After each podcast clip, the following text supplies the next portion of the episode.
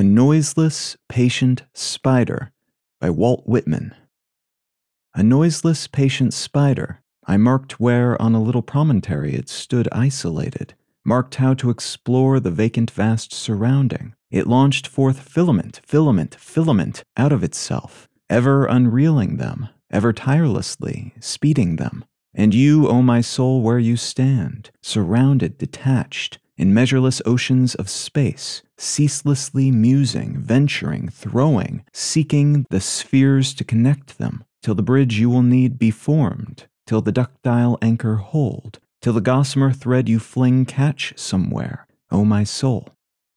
A Noiseless Patient Spider by Walt Whitman.